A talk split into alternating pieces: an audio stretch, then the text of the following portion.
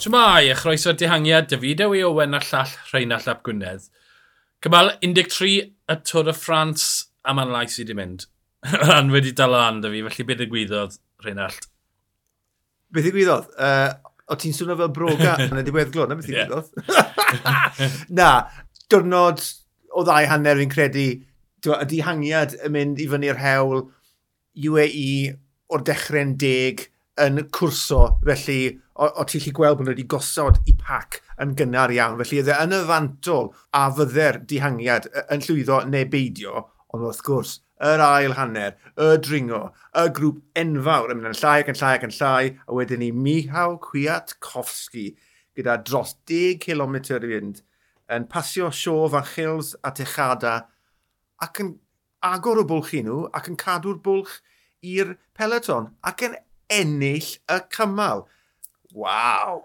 Dyna pam mae tîm yn talu miliynau i Superdome Stakes. Twyd, Geraint yn gweithio rhan tîm wyn ennill y Tôr y Ffrans. Cwircofsky yn cael rhyddid yn ennill twyd, Amstel yn ennill Milan San Remo yn ennill cymalau yn rhwydd ac yn dala'r pelton oddi ar yr olwyn. Mae safon yng nghoesau Cwircofsky yn amlwg.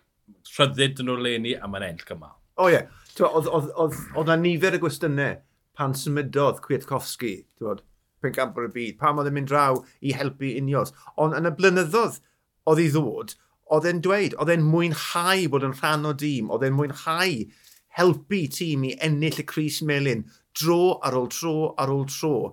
Mo, timlo pwysigrwydd i hun o fewn tîm. Ond fel i ti newydd dweud, oedd e hefyd yn cael i gyfleon, fel mae pob super domestig yn gwneud o bryd i'w gilydd. Amstel Gold, y llynedd. Ti'n mo, mae fe dal yn, yn enillydd. Trydethau fe ennill cymal yn y Tôr de France 2020. Felly, dyma ni eto. A oedd yn edrych mor ffres ar y linell derfyn. Ni'n edrych ar y sgrin nawr o hmm. Kwiatkowski ar y podiwm. To, mae, mae wyneb e'n llawn lliw, mm. dim yn welw. No.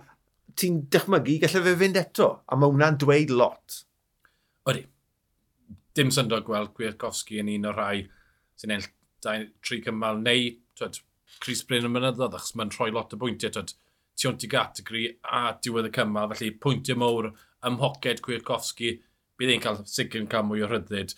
Fi'n gwybod bod Pidcock a Carlos Rodriguez yn ymladd am y podiwm ond twyd mae Gwiatkowski dim ond mynd i cael ei roi wyth os maen nhw'n enll os maen nhw'n ymladd am y Chris Melin dy fe ie, neu os mae yna sic, sicrwydd bod y podiwm o fewn golwg, ond o'r safon mae Kwiatkowski wedi dangos heddi, ti'n bydde fe ddim yn syni fi tas y fe mynd amdani to, a falle'n ennill cymal eto, a, a so'n credu byd nhw eisiau llosgi Kwiatkowski just er mwyn i Pitcock neu i Rodriguez orffen yn bimed, neu'n yeah neu'n chweched, mae hwnna yn ddim byd i nhw. A dod i fewn i'r tŵr i ennill cymalau, netho nhw. Felly fi'n credu o bosib nath uh, Kwiatkowski ddod mewn i'r Tôr de France gyda meddylfryd gwahanol yn mynd, reit, dyma'r cyfle gorau fi wedi cael ers blynyddoedd i fynd am cymal, achos dwi wedi cael cael bronch wrth y rheolwyr. Felly, ffantastig, ffantastig. Ras am y Chris Melin, e i wei wneud y gwaith yn gyfan gwbl yn y cymal wedi'r dihangiad mynd. A'r ymysodiad yn dod bron o fod union rhi man a yn gynnu 2020 a bron o fod union yr un peth yn digwydd. Pogacar yn diosg a fingigo. Mae rhyw bedwar eiliad, ond pedwar eiliad plus pedwar eiliad bonus. Bydd yn hapus? Bydd Pogacar yn sicr yn hapus. Fi'n credu dyna'n union uh, oedd diben y daith ar gychwyn y dydd. Right, bydde fe wedi bod yn hapus, tasau'r cyfle i fod yna i ennill y cymal, ond beth i llon llaw o eiliadau. Chip, chip, chip. Na beth yw'r peth wedi bod ers iddo fe golli'r 53 eiliad yna yn y Pyrenea. Just dwy'n yr eiliadau yn ôl, dwy'n yr amser yn ôl, fan hyn a fan draw, fan hyn a fan draw. Felly fi'n credu mae fe mewn man perffaith. Naw eiliad yn unig sydd nawr rhwng y ddau gyda pedwar diwrnod heriol arall. Maen nhw, maen nhw wedi cyrraedd mwy neu lai parity ar ôl o'r hiccup bach na gath Pogacar. Felly fi'n credu o'r ddau, Pogacar fydd ar gwynt yn ei hwyli ar y foment, er mae Fingago sydd dal yn ymelyn. Diwrnod cynta o dri cyn y diwrnod gorffus, ond bron o pimp diwrnod o'r bron lle mae'r Cris Melin yn mynd i gael ei ymladd amdano. Nath i wei weithio trwy'r dydd, nath i wei pob un o'r tîm weithio tan y diweddglo. Iwmbo ar y llaw arall, Fan At mas y cefn, pod mas y cefn, mm. Celdon. Fan Hoedong mas y cefn, Benwt mas y cefn, o'n i'n mynd i gyrra dda, e. Celdon mas y cefn, yeah. So, ti'n safio llais fi, diolch.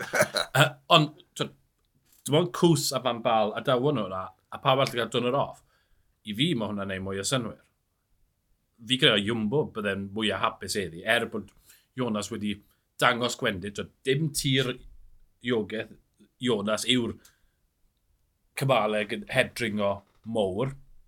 Dyna beth oedd heddi, colli bach o amser, a dim ymdrech ti'n cael ei wneud gyda tîm. Uh, ti'n gobeithio ta diwrnod off, uh, oedd Celderman yn edrych mas o bwff pam gadael bod e y grŵp.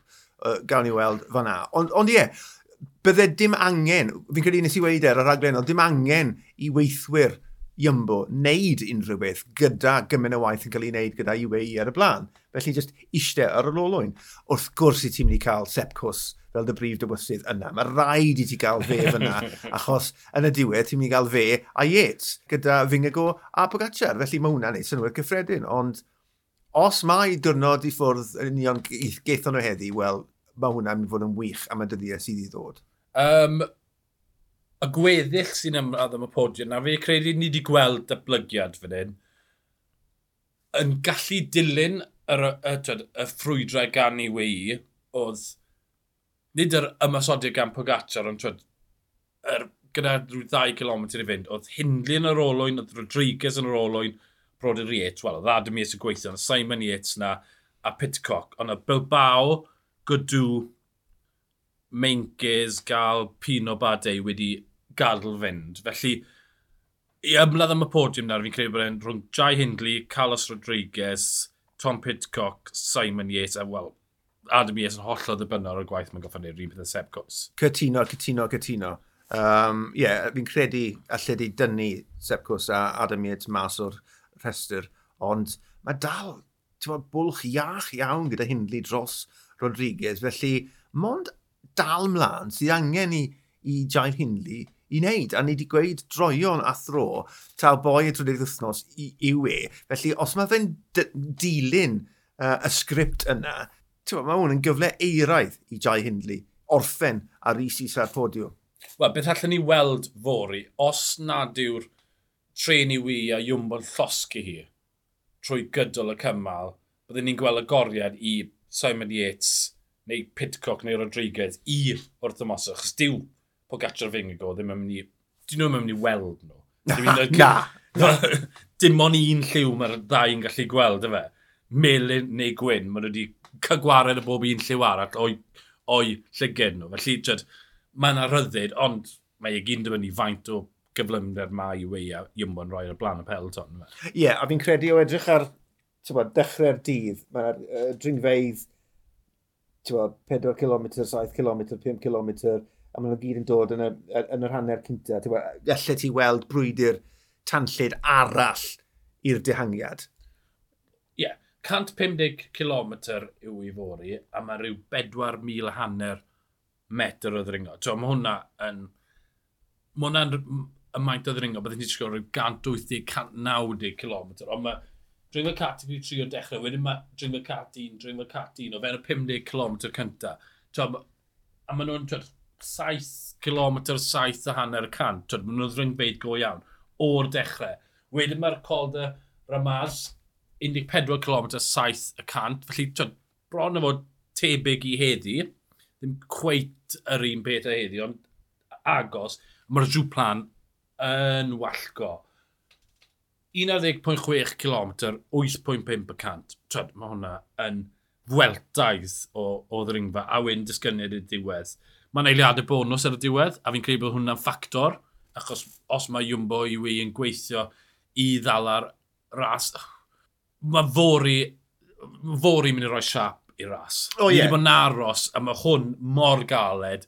Ni'n mynd i weld os mae Fingigo a Pogacar ar un lefel. Ni'n mynd i weld os mae Hindley yn gallu dal ymlaen i, i neu diosg ar gweddill, a oeddi Pidcock yn gallu dal...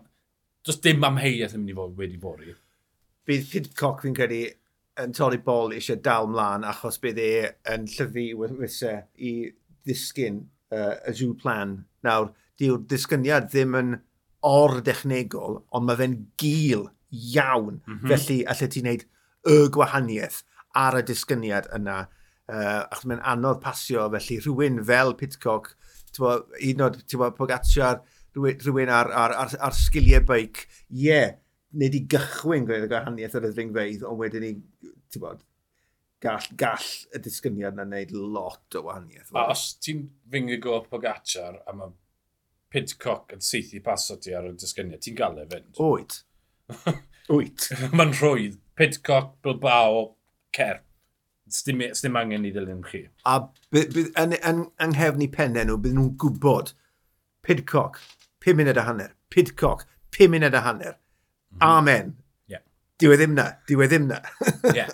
Er taw, yr amser yn mynd i gael ei gymryd ar y linell derfyn y Mosin, fi'n credu taw copa'r rhyw plan sy'n mynd i roi siap y Tôr y Ffrans ni. Y cwestiwn na, pwy yw cryfa o'r ddau echa a pwy sy'n mynd i allu ymladd am y podiwm. Twyd, gweb y pod Pitcock munud tu ôl, wella fe ddal y lan ar y disgyniad. Fyna sy'n mynd i roi y gwybodaeth i ni, ond Mosin sy'n mynd i roi y linell derfyn i ni. Mae cyfle gyda ti dihangiad, ond dwi'n gweld bod gymaint o waith, gymaint o gyfle tactegol i fyng y gos. Mae'r tîm, twyd, fel wnaethon nhw'r ar yn credu na fe gant y cant. Fi'n gweld bod mae mor bwysig fori bod uh, dosbarthau cyffredinol yn mynd i gael y dydd. O, he, he, bos os nag o'n i bai. Ni di, ni di, o'r, or pimp diwrnod, ni wedi gweud ta-ta i'r un cynta, a llon llaw eriadau bod, sydd yn ni.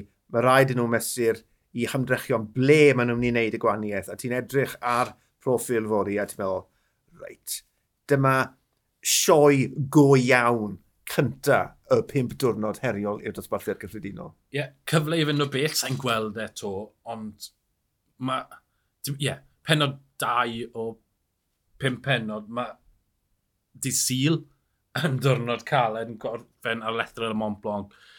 Felly, ie, yeah, mewn, erbyn nos syl, byddwn ni'n gwybod pwy sy'n mewn rheolaeth o'r Tôr de France. Be fi'n gobeithio amdano yw bod nhw ddau dal ysgwydd yn ysgwydd, ond mae'n o ystyried y dringo i ddod, mi fyddwn ni'n ffans lwcus iawn os mae'r ddoi dal ysgwydd yn ysgwydd. Croesi bysedd?